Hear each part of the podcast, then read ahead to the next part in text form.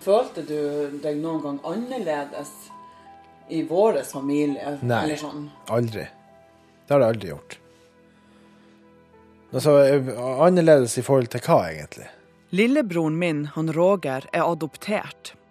I alle år har jeg spekulert på de egentlige foreldrene hans. Hvem er dem? Hvorfor ga de han fra seg allerede ved fødselen? Er det noen spennende historie der? Men broderen, han fantes ikke nysgjerrig. Men lurte du aldri på liksom, hvor, hvor fikk de der småkrøllene ifra som jeg hadde? Nei, det, det har jeg ikke tenkt på. Jeg er ikke, jeg er ikke sånn sammenskrudd. Men så en vakker dag, da han var blitt 30 år og både gift og far for lengst, sendte han Roger brev til fylkesmannen for å få svar på hvem hans biologiske foreldre var.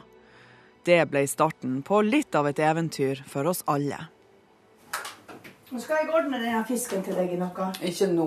Nei, men du må ikke glemme det. for du kan godt hende at det... Hun mamma er ei bitte lita dame på halvannen meter med gråsvart hår og røde kinn og flittige, varme hender. I 1971 gifta hun og pappa seg og flytta inn på loftet hos besteforeldrene mine på Holmemoen i Lenvik. Da var allerede storesøstera mi, Sissel, født. Men skal du sitte der, så du ikke sitter her? Ja, vi kan sette hvor du vil. Du må sitte der hvor du får mest luft. Vi kan gå ut hvis du vil. Nei. I 1972 kom jeg til verden, og egentlig var begge vi ungene noen mirakler. Hun mamma hadde nemlig fått beskjed om at hun antagelig ikke kunne få unger. Og etter oss var det også bom stopp. Så da jeg var fem år og søstera mi sju, bestemte de seg for å bli adoptivforeldre. Ei helsesøster kom for å vurdere heimen vår. Da sa hun nei, veit du Anne, jeg syns ikke dere har mer plass enn dere trenger sjøl. Så sa jeg ja, men enn om jeg hadde blitt gravid på normal måte, hadde dere kommet fra helsevesenet og sjekka om vi hadde hus til den babyen? Og da svarte hun jo bare nei, du er håpløs, sa hun. Der er det hjerterom, der er det husrom. Sjøl om vi bodde trangt, så hadde vi uendelig mye boltreplass ute. Om sommeren rodde vi til Holman, eller vi tok Barbiedukken med til sandstranda attmed Rosfjordvatnet. Da var vi i Syden. Om vinteren arrangerte vi skirenn gjennom skogen og over isen. Hun Sissel var svart i håret som Snøhvit. Jeg hadde rødt hår og fregna. Du var jo journalist ifra du var bitte lita. Fant du deg en pinne, så var du jo oppe i ansiktet til folk og skulle spørre og, og, og prate. Og... Det gikk et par år. Jeg begynte på skolen, og enda hadde det ikke skjedd noe. Men så en dag, så vidt inn i det nye året 1980, kom ei nabodame og sa at det var telefon til oss en telefon fra Tromsø. Og når jeg kom inn der og, og, og ringte tilbake, så var det fra fosterhjemssentralen. Og det eneste jeg sa, er ungen frisk? Ja da, ungen var frisk, det var en sprudlende liten gutt. Om jeg kunne komme dagen etter og få informasjon. Og nå fikk de det travelt. Inn på det største soverommet på loftet ble det skvisa inn ei sprinkelseng. Ei nabodame kom med barnevogn, og klær ble handla inn i all hast. 14.1 reiste hun mamma og han pappa til barnehjemmet i Tromsø for å hente den fire måneder gamle lillebroren vår. Roger var vi blitt enige om å kalle han. Vi jentene venta spent hjemme i lag med hun bestemor. Det var stille og rolig, og de ungene som var på stua, de satt og leka med sitt. Og, og så kom bestyreren, så vi fikk hilse på henne, og så sa hun at ja, han, de kalte han for Ruben bare for å ha et navn overfor de andre ungene. Han ligger og sover, sa hun, inn på et annet rom der. Så lukket opp døra, vi fikk komme inn og se. Han lå på magen. Åh, det var som hele hjertet åpna seg jeg så han. Så jeg bare nakken på han. Så sa hun, hun bestyreren, bare ta han opp. Men da var jeg helt i opprør. Jeg klarte ikke å løfte han. Jeg ser jeg klarer ikke å løfte han. Så hun tok han opp, og, jeg tok omkring han. Og, og Jeg smelta. Jeg kan ikke fortelle, det må bare oppleves, for det var en sånn fødsel.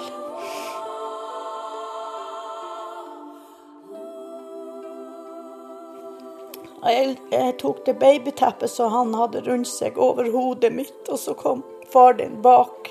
Så vi tre sto der og, og kjente på den fødselen. Den var ikke smertefull, men den var veldig god.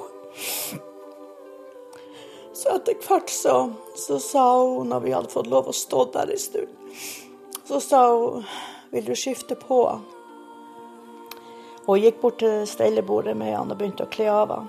Men jeg skalv så i knærne, så jeg klarer det ikke, sa jeg. Jeg går i senk her. Og, eh, og hun måtte overta. Da hun var ferdig, så sa hun at han nettopp begynt å få grøt, så vil du mate han? Ja da, vi fikk gå på ei anna stue, vi gikk der. Vet du, det, var, det var bare oss tre da. Far din og jeg og Roger.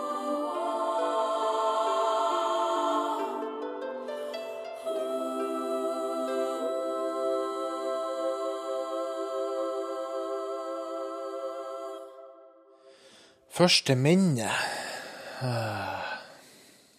Når vi bodde i gammelhuset, og så brukte jeg å gå ned på morgenen til bestemor som bodde nede, med legosekken. Og så satt vi på kjøkkenbordet og bygde Lego. Det husker jeg veldig godt. Hun satt på enden og drakk kaffe og strekka, eller hva hun gjorde. Og jeg satt og bygde og plagde henne.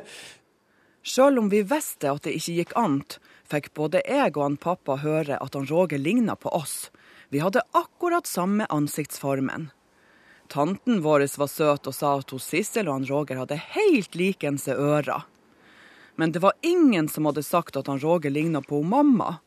Ikke før den dagen jeg gjorde en oppdagelse. Plutselig så setter du i 'mamma, kom og se'. Og jeg trodde jo det at det var en tissestråle, så jeg sprang jo inn i stua. Men det var ikke det. Så sa jeg hva det var. Ja, jeg ser han Roger har begynt å ligne på deg, for han har fått underhaka. det måtte jo jeg bare ta som et kompliment der og da. Han Roger hadde nesten sånn gullhår, og i nakken kom det fram nydelige små krøller. Men ingen av oss hadde krøller. Jeg kunne ikke la være å undres. Hvordan så mora hans ut? Hvem ligna han egentlig på? Hvor var foreldrene hans nå? Og hadde han Roger kanskje mer familie en plass i Norge? Vi visste jo hvor hun, hvor hun bodde. Det fikk vi opplyst, men vi fikk jo ikke lov til å si noe, verken til dere eller, eller omverdenen. Så vi var på campingtur i området der hun bodde. Og han, eh, han Roger han hadde en føflekk, og han sprang jo naken. Det høres sykt ut, men den tanken slo meg. Hun kunne være i nærheten. Kanskje hun hadde føflekk på samme plass. For jeg har nemlig en føflekk på samme plass som mor mi hadde, oppå brystet. Og han hadde i svangen. Så at hun kunne se, og så kunne hun begynne å lure på er det hennes gutt. Det, for hun hadde vel ikke visst det at det var en gutt, og hun ga han bort. Så det var sånne rare tanker som jeg fikk liksom, for å beskytte han, at vi vi skulle ikke fare så nært. Hun Sissels storesøster hadde bestemt seg for å gi lillebroren sin all verdens med trygghet, og til stadighet kviskra hun han i øret 'Jeg skal aldri gå ifra deg'. Mens jeg og Roger, vi krangla ofte så fillene føyk. Jeg var nok litt sjalu, for han fikk jo veldig mye kjærlighet og oppmerksomhet. Og jeg, jeg var bare mellomstoresøster. Hva var det slags tittel? Og da jeg var tenåring og måtte ha han med meg på rommet når jeg hadde venninne på besøk, åh, jeg hata det. Nei da, nå skal du bare sette deg ned og ete lunsj. Det er karbonadesmørbrød og, og erter og, og, løk. Ja. Så det er ikke å vente at unnhaka vokser. Men når vi snakker om mat, så han, Der var han Roger litt vanskelig med mat. Når han ble så stor at han bestemte sjøl, så var det Nugatti på brødskiva. Og når han skulle ha variasjon, så var det sjokade. Jeg snakka jo med helsesøstera om det, og da sa vær glad for at han spiser. Du fikk ikke noe trøst der. og når vi åt fårikål? Ja, når vi åt fårikål, så måtte vi Helpepperen som vi fikk på tallerkenen, måtte vi stable langs kanten til han. Du husker det? Hei. Jeg så ikke at du kom. Du så ikke at jeg kom? Nei, hvor du parkerte. Der nede. Hel Å ja. ja. God dagen. Lenge siden sist. God dag, lenge siden sist. Ja, ser du har fått med vedfyring. Han Roger er blitt en likende kar, spør du meg. Vel å merke så har han ikke så mange synlige gullhår lenger, men han lever godt. Han har bosatt seg på verdens vakreste øy, Senja. Han er pappa til tre prinsesser. Han har verdens snilleste kone, en veskehund som heter Pia, og eget rørleggerfirma. Ja, jeg bruker bare å ta vanlig eh, tørkepapir, og så vatne og så døpe det ned i aska, og så gnikke på ruta. Døppe. Han er pappa sin arvtaker som hele familiens handyman, og den man ringer til uansett hva det er man lurer på av praktiske ting. Jeg kan aldri huske det sånn da jeg var liten, at hverken når mamma eller pappa altså, fortalte meg det, at hør her, Roger, du er adoptert. Det har, har de aldri sagt til meg, sånn direkte. Men altså, jeg har jo bestandig visst at at det var det. Men eh, et par ganger når man hadde sine raseriutbrudd, da husker jeg at jeg, jeg sa det både til mamma og pappa at dere er ikke mine ekte foreldre. Og det var liksom, da gikk luften ut av dem begge to. Det, det var altså, det husker jeg, det var ordentlig sårt for dem. Det var det hardeste du kunne si? Ja, det var egentlig det hardeste jeg kunne si. Så jeg vet at det, det skjedde et par, to eller tre ganger. Temperament, det hadde vi begge. Men når det virkelig kom til å finne ut hvem de ekte foreldrene var, da var det altså stor forskjell på meg og broderen. Jeg har vært på han siden han var liten, og i hvert fall da han ble 18, og da han gifta seg med Therese, og da han fikk de første ungene, om han ikke snart skulle finne ut hvem de var. Hvordan klarte han å ikke være nysgjerrig på det? Ja, du har nå vært utålmodig i alle år. jeg vet ikke hvor mange ganger du har masa på meg at jeg måtte finne det. Du har nå ringt til fylkesmannen sjøl òg, flere ganger, og, prøvd å finne ut av Men det var nå bare jeg som kunne gjøre det. Nytter ikke å mase på meg. det nødte ikke. Og da han endelig, som 30-åring i 2009, fikk ut fingeren, så skjedde det bak min rygg. En eldre kollega av han Roger hadde fortalt hvordan han fant slekta si, og da bestemte broderen seg. Men før han kunne få navnene fra fylkesmannen, måtte de biologiske foreldrene svare på om de ønska å ha forbindelse med han. Et av brevene gikk til øyriket på Nordvestlandet, der undersjøiske tunneler og ferger og hurtigbåter binder folk sammen. Men på den adressen var det bare kona som var hjemme, mens mannen i huset var på jobb i Nordsjøen. Jeg henta post til morgen kvelden. Jeg har ikke vært henta post. Og det var et brev. Så har vi nett fått ei sånn eh, fartsbot. Og så tenkte jeg å herlighet, ei til. Så jeg åpna jo brevet. Og det var fra fylkesmannen i Troms. Skjønte ingenting. Hun som snakker her, heter Marit Storøy og bor på Hareid i Møre og Romsdal. Hun er gift med den pensjonerte sjømannen Johannes, som hun kaller Johs. De har tre unger. Bente Irén, som er eldst, Jan Ove i midten, og attpåklatten Marita. Sju barnebarn har de òg. Ja, hva det sto i det brevet? At din biologiske sønn ønsker å ha kontakt. Og jeg har ikke hørt om noen biologisk sønn annet enn denne Jan Ove. Og ringte til Jan Ove og sier du har en bror. Pff, sa han, du må slutte opp. Så ringer han just om kvelden, og så spør jeg har du noe du vil fortelle meg om Bente var, Jan Ove var og Marita var. Nei, hva det skal være? Ja, sa jeg, har du en sønn? Hva du snakker om, sa han. Ja, her har kommet brev i dag at du har en sønn. Nei, jeg vet ikke hva du snakker om, sa han. Det kan ikke være rett, sa han. Du får vente til jeg kommer hjem igjen. Det må ha vært forferdelig å sitte der med tusen spørsmål hjemme på Hareid. Hadde han Johannes virkelig fått en sønn med ei anna dame, midt i ekteskapet med hun Marit? For hun Bente Irén, som hadde vært pappajenta i alle år, var det tøft. Kan dette her stemme? Hvordan har det skjedd? Eh, hva skjer med dere som foreldre våre nå? Vil dere gå ifra hverandre? Hvordan kan jeg ha en far som har ligget for oss i så mange år? Jeg trodde jo ikke min far kunne lyge til meg. Er det mer han ikke har fortalt? Er det mer vi ikke veit? Og jeg har jo før spøkt med han i mange år, eller før spurt om ikke jeg hadde en eh, negerbror i Afrika. Du er jo sjømann, jeg er helt sikker på at du har hatt noen på si. Og han holdt jo på å slå meg ned en gang fordi at jeg spurte så hardt om det der. Ventetida ble uutholdelig. Til slutt ringte Marit til fylkesmannen i Troms, og fikk bekrefta jo da, innholdet i brevet stemte. Du får jo et sjokk, ikke sant? Men jeg var mest fortvila var vel kanskje for at han hadde bare fått en gutt, og så gitt han fra seg. Jeg så på mine unger og tenkte gud, hvor velsigna jeg har som er tre. Det var det siste jeg kunne ha klart i verden, å sette fra meg en unge. Jeg skulle ha fått sjansen for å fått ungen. For han er jo tross alt halvbroren deres.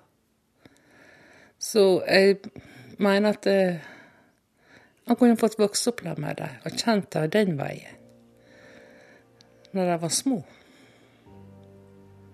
Heldigvis for min familie så fikk ikke Marit vite om han Roger før nå. Da hadde jo kanskje ikke jeg fått noe lillebror. Og nå, når hun visste, så forsto Marit plutselig hvorfor han Johannes forandra seg så veldig på slutten av 70-tallet. Han ble hissig og fraværende og flykta inn i arbeid, også når han hadde fri. To uker etter at brevet dumpa ned i postkassen, kom han Johannes på land. Men til hva, det visste han ikke. Johs han kom hjem fra sjøen, kom opp gjennom veien som en gammel mann. Jeg var kanskje litt i tvil hva som skjer nå. Og når jeg så fortvilelsen hans, så tenker jeg med meg du sparker ikke et menneske som ligger nede. Og vi klarte å prate litt. Og jeg sa uansett hva som skjer, så skal den ungen få komme hit. Han skal få Han skal være velkommen. Da bestemte egentlig du at denne ungen, den skulle han ta seg av? Nei, jeg sa ikke at han skulle ta seg av henne, men jeg mente at han har plikt og rett til å få vite hvor jeg kommer fra, hvilken familie jeg har. Er det noe du lurer på innen familien? Er det arvelige sykdommer? Det er sånn som de spør, lurer på alle som adopterte. Hvorfor? Hvorfor går de vekk? Husker du hva jeg sa til deg første gangen vi møttes? Så sa jeg da at vet du hva, du er et sånt menneske som man er glad i før man til og med møtes. Takk. Hvis jeg tenker helt sånn iskaldt på det, så forstår jeg at følelser kan oppstå mellom mennesker når de seiler i uker og måneder i lag på en båt. At de søker sammen der på bølgene blå under fjerne himmelstrøk. Jeg tror det rett og slett er menneskelig. Han Johannes var gift, han gjorde en feil. Men hva med hun dama som ble gravid om bord på den båten? Hva med hun? Hva betydde han Johannes for hun? Abortloven var innført, likevel bar hun fram ungen. Det, det hang liksom ikke på greip. Hva var historia hennes? Med den trege broren min så hadde jeg begynt å miste håp om å noen gang få vite de her tingene. Lite ante jeg om at han gikk og trippa og venta på svar. Etter en måned kom det. Da sto det jo i brevet at faren min heter Johannes Storøy og bor på Hareid. Og han jobba på, eh, på, havet, og han hadde veldig lyst til å ha kontakt. Og moren min hun hadde holdt eh, det hemmelig i alle år, og hun ønska å ha det sånn fortsatt. Sto det det sto, det sto i brevet. Ja, jeg tenkte det var noe Altså, det var et ærlig svar, det, da. Jeg ble nok sikkert litt skuffet. Det, må, det, det, det ble jeg nok. Det var ikke et stort nederlag, for å si det sånn. Det var det ikke. Å ja, han ble litt skuffet. det stakk nok djupere enn som så. Det var jo liksom mora vi bestandig hadde snakka om da Roger vokste opp, at han hadde ligget i en annen mage enn mamma sin. Nå fikk han vite at hun hadde holdt hele svangerskapet skjult. Jeg tenkte òg det at hun har fått brevet, hun vet at jeg vet hvem hun er. Så det kan hende det at bare må gi det litt tid. Så vi snakka en del om det, jeg og Therese, da. At vi, bare, vi skal bare roe ned og la det, la det ligge. For hun vet jo at jeg har begynt å rote med saken. Så plutselig en vakker dag så banker på døra hennes. Men at faren til han Roger ønska å ha kontakt, det var et veldig stort plaster på såret, da. Du liker å stulle og stelle på kjøkkenet, gjør du det? Det er Johannes som holder på å dekke bordet på kjøkkenet på Hareid. Han er en liten, brunøyd fyr med skjevt smil og oppoverrynke. Ute er det i ferd med å lysne, men det høljeregner. Fjellene på fastlandssida er dekka av et grått teppe. Så artig å se en voksen mann som vet hvor han finner ting i kjøkkenskapene. det er ikke min pappa, det i hvert fall. Nej, far min också, han var helt... Han har, han har sålt alla de brödkjölar. ja, bortskjemt. Ja. Jeg prøver å småprate litt, men jeg merker at han Johannes er nervøs. Han har sagt ja til et bitte lite intervju, kanskje mest pga. skam. At liksom såpass må han stille opp for søstera til sønnen sin etter alt det han ikke har gjort. Jeg setter meg bare litt nærmere deg her. Ja, det vil du vel. Ja. Jeg lurer på hvordan det var for han Johannes å gå og holde på den store hemmeligheten i så mange år. Nei, du måtte jo bare prøve å skyve det fra deg, da. Hva annet skulle du gjøre? Du visste jo det han var der. Ja, hva du visste egentlig? Jeg visste ingen, ingen verdens ting. Jeg visste bare det hun hadde fått, og det var en gutt. Det var alt jeg visste, og ikke noe mer. Visste du at hun var gravid òg? Ja, jeg visste hun var gravid gravid några steg. Det var jeg klar over. Og så Hvordan fikk du vite at det var, kom, at det var blitt noe Nei, det var jo når jeg var med politiet eller med politiet og skrev om det. Men, men eh, hva du tenkte når du, du bestemte deg for at det her kunne du ikke si hjemme til Marit? Nei, hadde jeg sagt det da, så hadde det vært skilsmisse. Det har inte varit, det med det. Og det skinner gjennom i dag også, det.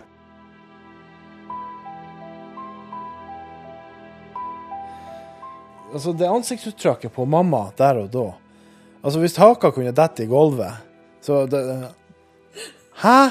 For broderen var det en stor dag da han kunne ta runden. Først til meg, så til Sissel, og til slutt hjem til Holmemoen og fortelle at han hadde tatt affære. At han i hvert fall visste navnet på de biologiske foreldrene sine. Det var jo som å åpne en foss.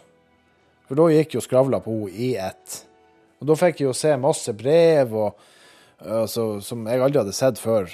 Men altså, de syntes jo det var eh, helt fantastisk at jeg hadde gjort det. De, ble, de var så glad, og, og det er sjelden at jeg ser han pappa rørt eller sånn, men det var han da. Da så du at det var Han ble blank på øynene. Og det, det, det er en mann du ikke ser det ofte på. så det var, det var en god følelse, det. De har jo store hjerter, begge to. Det har de. På den tida han Roger ble unnfanga, holdt familien Storøy på å bygge hus på Hareid. Ja då. Et stort, flott hus som vi sitter i nå.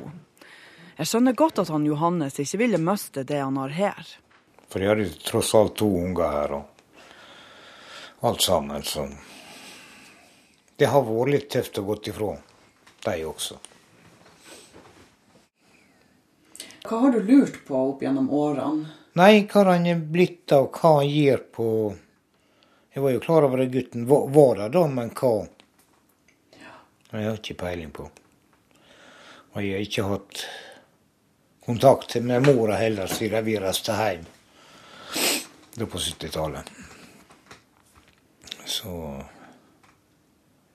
Og da, etter at du hadde svart at du ville ha kontakt, så gikk Ja. det ei stund, og så fikk du et brev. ja, jeg fikk brev fra han. Det gjorde jeg. han. fortalte om seg sjøl. Ja, det brevet har du.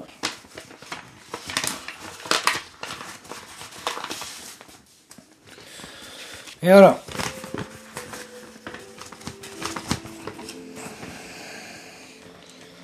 Så her står det 'Hei, mitt navn er Roger Pedersen, og jeg ønsker å få kontakt med deg'. Min biologiske mor har sagt at hun har holdt det hemmelig i alle år, og vil dette fortsatt. Jeg er gift med Therese Heiberg. Vi bor i Nordli på Senja i Trane kommune. Jeg har hatt en fin oppvekst i lag med to eldre søstre. Har liksom bestandig vært barnet i familien. Jeg ønsker at vi skal få kontakt og treffes etter hvert. Så han sender noen bilder og god jul og godt nyttår ønsker av meg og mine. Ja da. Hvordan var det å lese det der brevet Det- første det- gang? Det var artig. Skikkelig artig var det.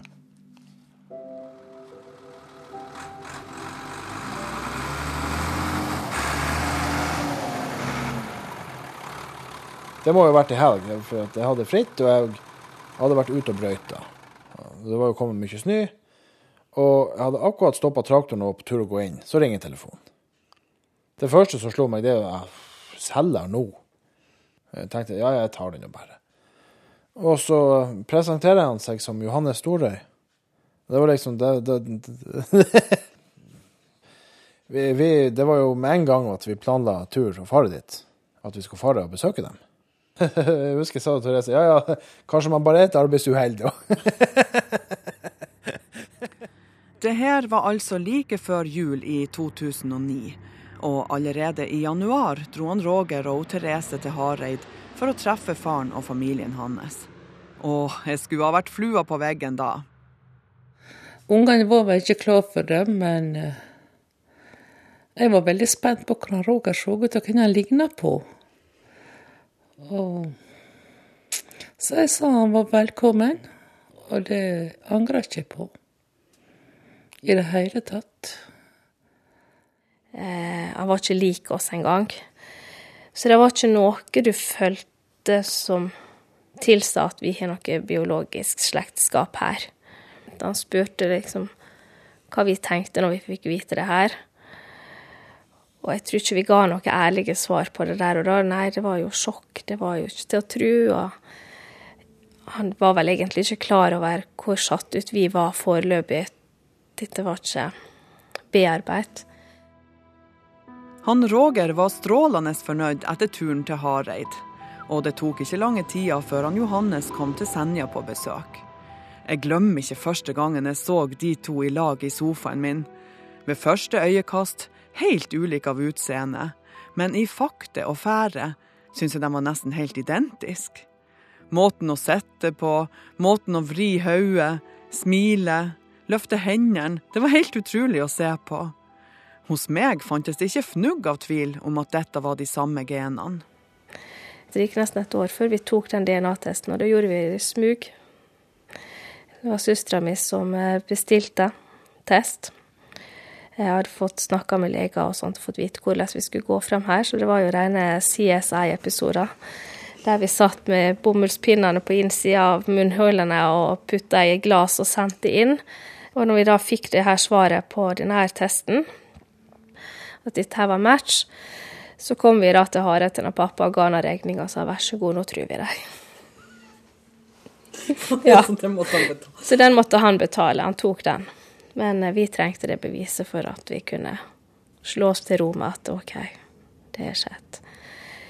Hva tenker du i forhold til at du sjøl er mor og sånn, og du vet at, at eh, broren din ble gitt bort når han var nyfødt?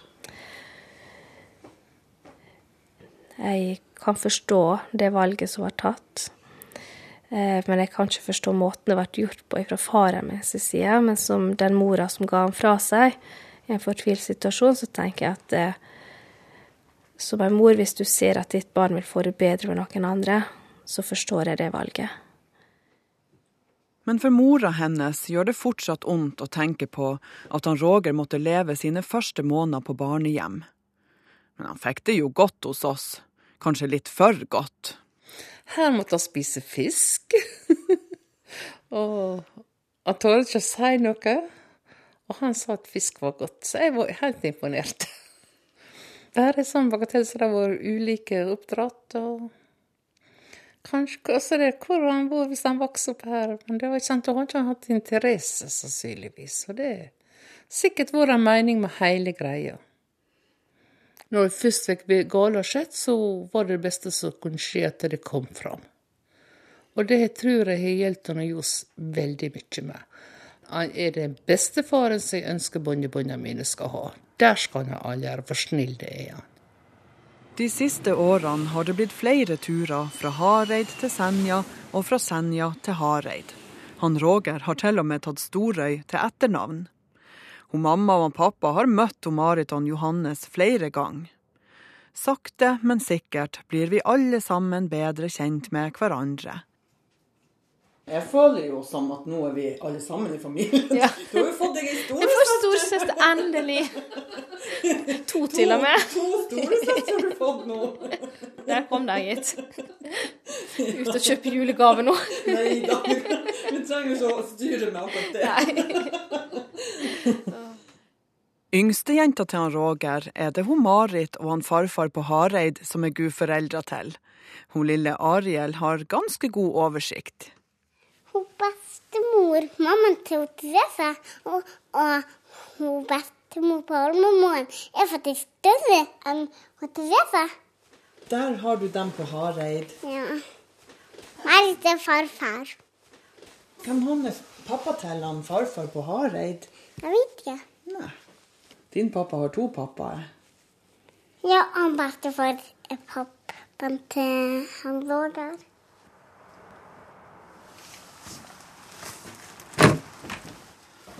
Hallo. Du våkna så tidlig på morgenen. Ja. Har du kaffe? Ja, men jeg har litt for å trakte. Åh, det var kaldt. Det er godt å komme hjem til Holmemoen. Hun mamma er som vanlig i sving på kjøkkenet. Der har jeg lagt ørret i vann som skal til middag i dag. Stekt ørret fra Rosfjordvatnet. Så har jeg plukket her fiske. Så den ser, ser så rød og fin den er så der sånn, så stopper hun begynner å bli medievant nå, gamla. På salongbordet ligger det blå albumet til han Roger. Det som var som ei eventyrbok for oss da vi var små. Og der er bestyreren. Og så er det en pleier. Og så er det uh, unger som bodde på barnehjemmet. Den store jenta der hun fortalte med glede i stemmen at hun skulle få lov å bli henta med fly, for hun skulle reise til Oslo. Og der skulle hun bo. På neste bilde så er det jo bilde av oss som familie da. Han, far din ser du, han ser noe shabby ut, så sier 'pappa er helt ør av.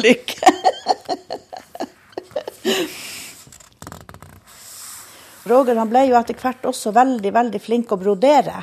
Han broderte jo store bilder som vi fikk innramma. Han var veldig flink, og det hadde han jo ikke etter meg i hvert fall, for jeg har aldri vært noe sånn så håndarbeidsmenneske. Men, eh, men, han hadde det vel i genene sine. Ja, hvor hadde han de genene ifra? Den biologiske mora til Roger hadde svart fylkesmannen at hun ikke ønska å bli kontakta. Men navnet hennes fikk han jo, og adressen var det ei smal sak å finne. I samme fylke, faktisk, bor hun, bare noen timer unna. Via sosiale medier fant han Roger ut at han har søsken også på den sida. Kanskje de ville ha kontakt? Han skrev til dem på Facebook. De fikk litt sjokk, men så møttes de. Seinere konfronterte de mora si. Hør her, mamma, vi veit alt, vi veit at vi har en bror. Da brøt hun sammen og fortalte. Litt, ikke alt hun eh, biologiske mora mi. Hun er ikke så altså hun er ikke så åpen. Altså, Å snakke om følelser og sånn, det har hun visst aldri vært flink til. Sånn som jeg har blitt fortalt. Men Roger ga aldri opp håpet om å få treffe henne. Og etter ei stund var hun klar. Nå ville hun møte sønnen sin. Hun, hun sa jo det, hun har jo, det har jo ikke gått en dag uten at hun ikke har tenkt på meg. Så det er klart, det er jo, det er jo veldig spesielt for hun òg å få, få, få møte meg. Jeg har aldri spurt han Roger hva han snakka med mora om. Det har jeg aldri gjort. Men jeg spurte om det var godt å treffe henne.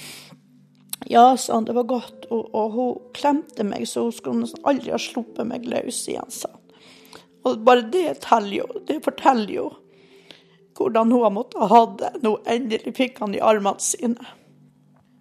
Og vi hadde jo med oss noen bilder da, av ungene og, og, han, og han Johannes, faktisk.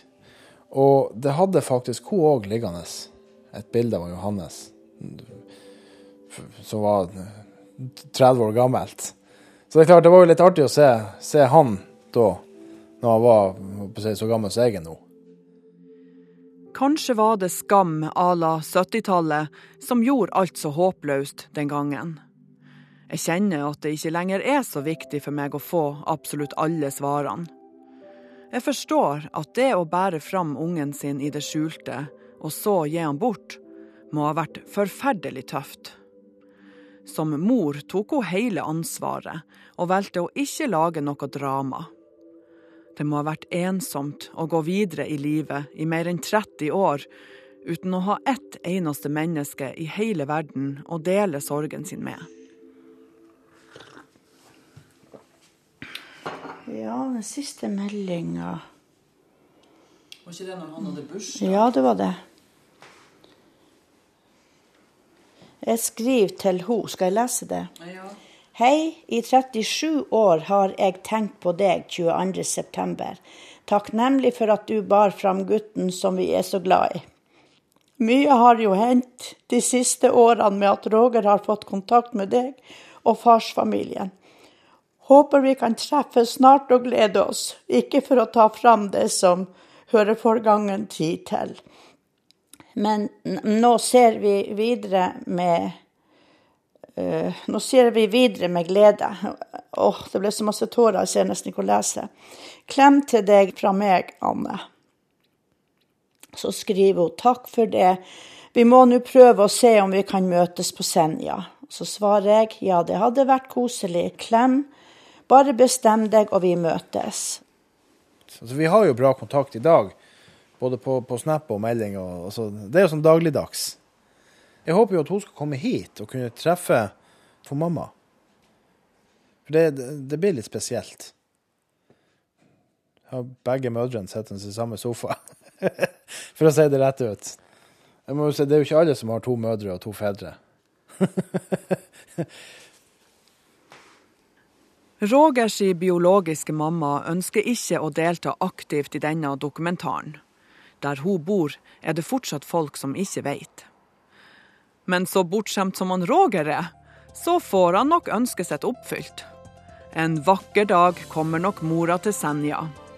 Under de taggete fjellene kan vi søsknene samles, og alle søskenbarna kan leve alle sine dager lykkelig vitende om hverandre. Jeg unner han Roger hele den nye storfamilien, det er ikke det, men eh, av og til så kjenner jeg et lite stikk. Hvem er du mest glad i av søsknene dine, da? Meg og Sissel, eller de der andre? Jeg syns den reporteren begynte å stille dumme spørsmål.